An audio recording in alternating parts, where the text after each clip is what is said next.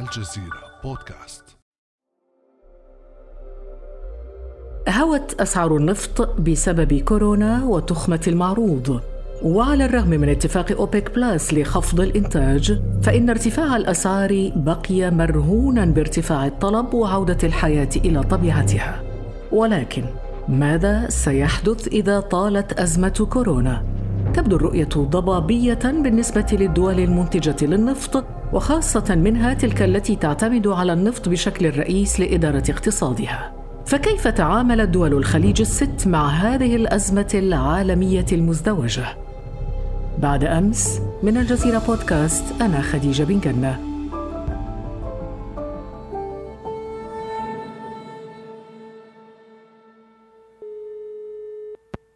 أرحب معي في هذه الحلقة بالدكتور محمد حيدر الباحث في الشؤون السياسية والاقتصادية. أهلا وسهلا بك دكتور. أهلا وسهلا فيك ست خديجة. دكتور محمد حيدر نتساءل بداية ونحن نعيش هذه الأزمة. ما هي التداعيات الاقتصادية لتراجع أسعار النفط الآن على الدول العربية ودول الخليج تحديدا؟ لأنه هي أكثر الدول العربية إنتاجا للنفط والسعودية طبعا في الصدارة.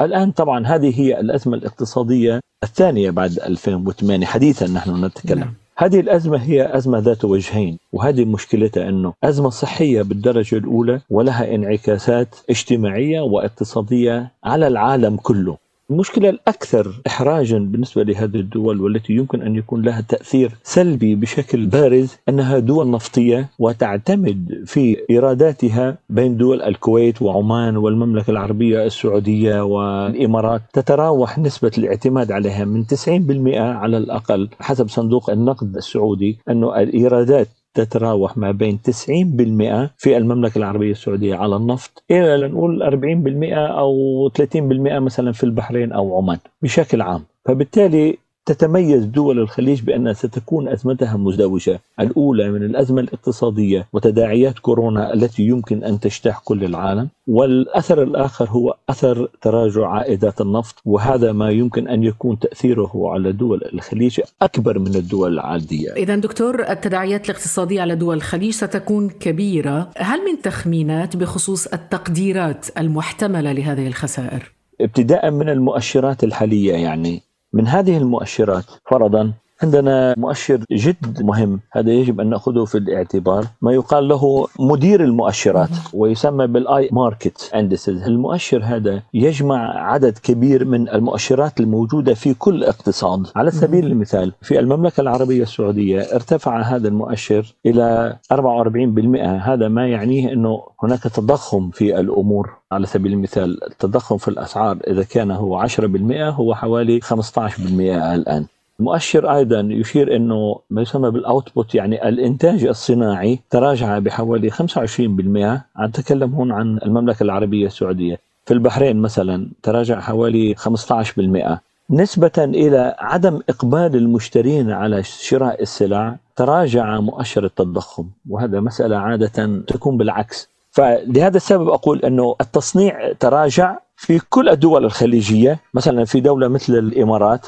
الاقتصاد فيه نوع من الاستيراد والتصدير والتخزين أكثر من التصنيع فتراجع هذا أيضا بحوالي 15% لحد الآن في دولة الإمارات. في دولة البحرين دولة البحرين هي من أصغر الدول لكن ستكون مصيبتها أكبر لأنه اعتمادها على النفط يجعلها تخسر حوالي ثلثي إيراداتها من النفط وقد تحتاج إلى الاستدانة ثلاث مرات أكثر مما كانت تستدين من قبل. قطر عندها وفرة ولكن طبعا هناك حظر من بعض دول الخليج أكيد تأثر اقتصادها. ليس لديها نفط كبقية الدول عندها غاز ولكن هذا لا يعني أنها لم تتأثر. لكن أقول أنه من الناحية الاقتصادية ستكون هناك خيارات صعبة جدا بالمستقبل للدول العربية. إذا تواجه دول الخليج صدمتين، الأولى صدمة تراجع الطلب بسبب كورونا، والثانية صدمة انهيار أسعار النفط. وهذا ما دفع الدول الخليجية في مقدمتها السعودية أكبر مصدر للنفط في العالم إلى اتخاذ جملة من الإجراءات. ووصف وزير المالية السعودي محمد الجدعان هذه الإجراءات بالصارمة والمؤلمة. من المهم جدا أن نتخذ إجراءات صارمة وشديدة جدا وقد تكون مؤلمة لكنها للضرورة والاستدامة المالية العامة. يجب أن نخفض ونخفض بشدة من مصروفات الميزانية. آه، ننظر في خيارات كبيرة جدا الآن وواسعة سواء فيما يتعلق بالمشروعات أو غير المشروعات والمصاريف الأخرى. دكتور محمد حيدر ما رأيك بهذه الإجراءات؟ هل هي كفيلة باحتواء تداعيات هذه الأزمة؟ يجب أن نعرف ما هي حجم هذه الخسائر التي ستتكبدها هذه المجتمعات من أرواح من نتائج اجتماعية من نتائج على الطبقات الفقيرة على الاقتصاد وبعدها تكون الخيارات المطروحة أمام هذه الدول لكيفية حل هذه المشكلة من الناحية الصحية وتداعياتها الاقتصادية المسألة الثانية أقول أنه المشكلة الاجتماعية يعني ستكون تداعيات هذه الأزمة على المجتمع ومسألة التكافل الاجتماعي والعدالة الاجتماعية ذات أبعاد كبيرة جدا وخاصة على الطبقات المتوسطة والفقيرة. فرق بين طبقة يمكن أن يكون لها ضمان اجتماعي من خلال الأموال التي تتلقاها من هذه الوظائف أو يمكن أن يكون هناك تراجع في دخل الناس مثل عمال الزراعة مثلا أو عمال قطاع الإنشاءات والعقارات. هنا يجب الدولة أن تكون حريصة جدا أن تولي الملف الاجتماعي والتكافل الاجتماعي أولوية أيضا مثل أولوية الصحة.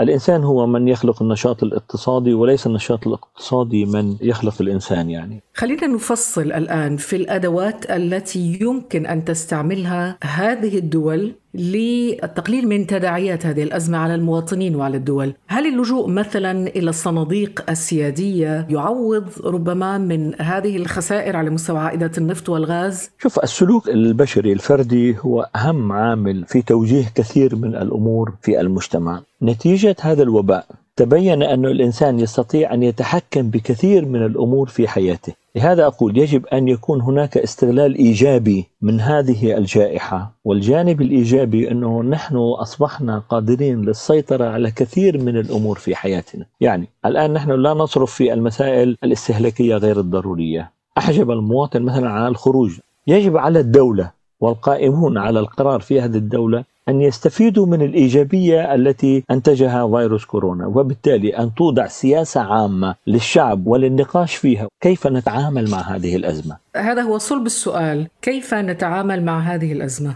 أقول مثلا في القطاع العمالي أنا أخذ جانب صغير جدا وكون له علاقة بالاقتصاد وله علاقة بالجانب الاجتماعي. في القطاع العمالي كم من الموظفين الآن جلسوا في بيوتهم؟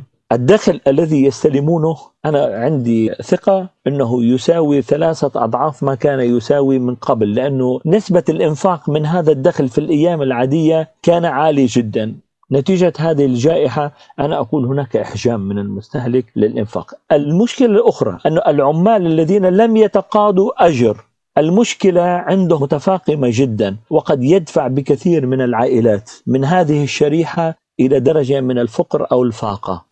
هنا بيت القصيد. إذا كيف يمكن أن نحل هذه المشكلة؟ هل هي بالتضامن الاجتماعي؟ أو والله بروح بيعمل جمعيات وبتصدق على الناس وبربحهم جميلة أنا ضد هذا الاتجاه. ست خديجة في الدول الأوروبية هذه المشكلة تجاوزوها. أنا أتكلم عن المجتمع العربي والمجتمع الإسلامي بشكل عام. ليس هناك ضمان اجتماعي للناس. يعني إذا واحد خرج من شغله ما في ضمان. ما حدا بيعطيه حتى دخل في بريطانيا. أنا لو رحت بلا شغل ما عندي شغل بروح على مؤسسة الضمان الاجتماعي وأتقاضى حد أدنى من الأموال خلينا نقول 200 جنيه استرليني أو 100 جنيه استرليني في الأسبوع. الدولة تضمن لي العيش الكريم إلى أن أجد وظيفة. هذه هي المشكلة التي أريد أن تحل. يعني نتمنى أن تكون هذه أزمة كورونا ربما سبيلا لإعادة ترتيب الأولويات. أعطينا فكرة عن الحلول الممكنة دكتور. الخيارات لدى الدول أن تعيد قراءة الأولويات حسب طبيعة مجتمعاتها. يعني أنا إذا بعطي هلا أولوية لقطاع الترفيه فرضا بينما أترك أنا قطاع الفقراء والمساكين هذا أمر يعني غير حكيم وسيولد لي مشاكل اجتماعية. مثلا في السياسة النفطية أنا أتكلم على المستوى الاستراتيجي الآن. هل كان سليما أن يتخذ قرار حرب الأسعار بهذا الشكل؟ تبين أنه نتيجة حرب هذه الأسعار تكبدت ليست فقط دول الخليج دول العالم النفطية كلها. تلقت ضربة صادمة جدا ومكلفة أكثر من 10 تريليون دولار على الأقل كلفت هذه الدول إضافة إلى الخسائر المعنوية في المستقبل. وأعتقد أن هذه السياسة يجب أن يعاد النظر فيها. هذا لا يعني ولا يلغي سلطة الأمير أو الملك أو هيبته إطلاقا. يعني من استشار العقول ربح. عندما لا تستشير هذه العقول نقع في هذا الفخ.